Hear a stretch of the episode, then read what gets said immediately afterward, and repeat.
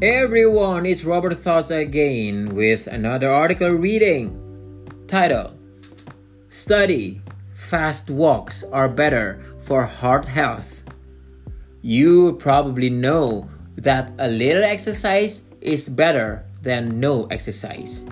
But a 2022 study has found that the intensity of your exercise can have an impact on your health too.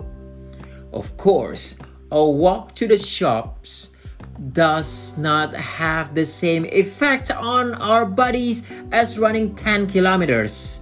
But researchers found that small changes to simple activities could make a real difference. For example, the researchers say that instead of going for an easy 14 minute walk, it's better for your heart if you go for a faster 7 minute walk. The researchers looked at data from more than 88,000 people in the UK with an average age of 62.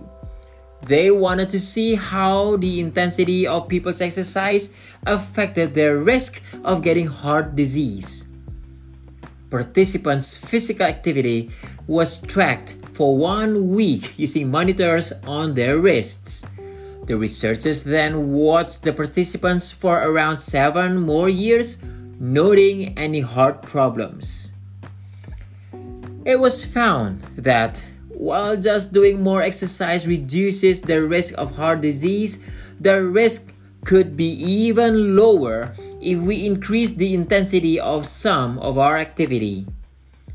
The researchers wrote that if we do 20%, instead of 10% of our exercise at a moderate intensity, it could reduce our risk of heart disease by 14%. However, the researchers also wrote that more activity of any intensity is helpful. That's all, everyone. Thank you very much for listening. I'll see you again, everyone. Okay, bye bye bye bye.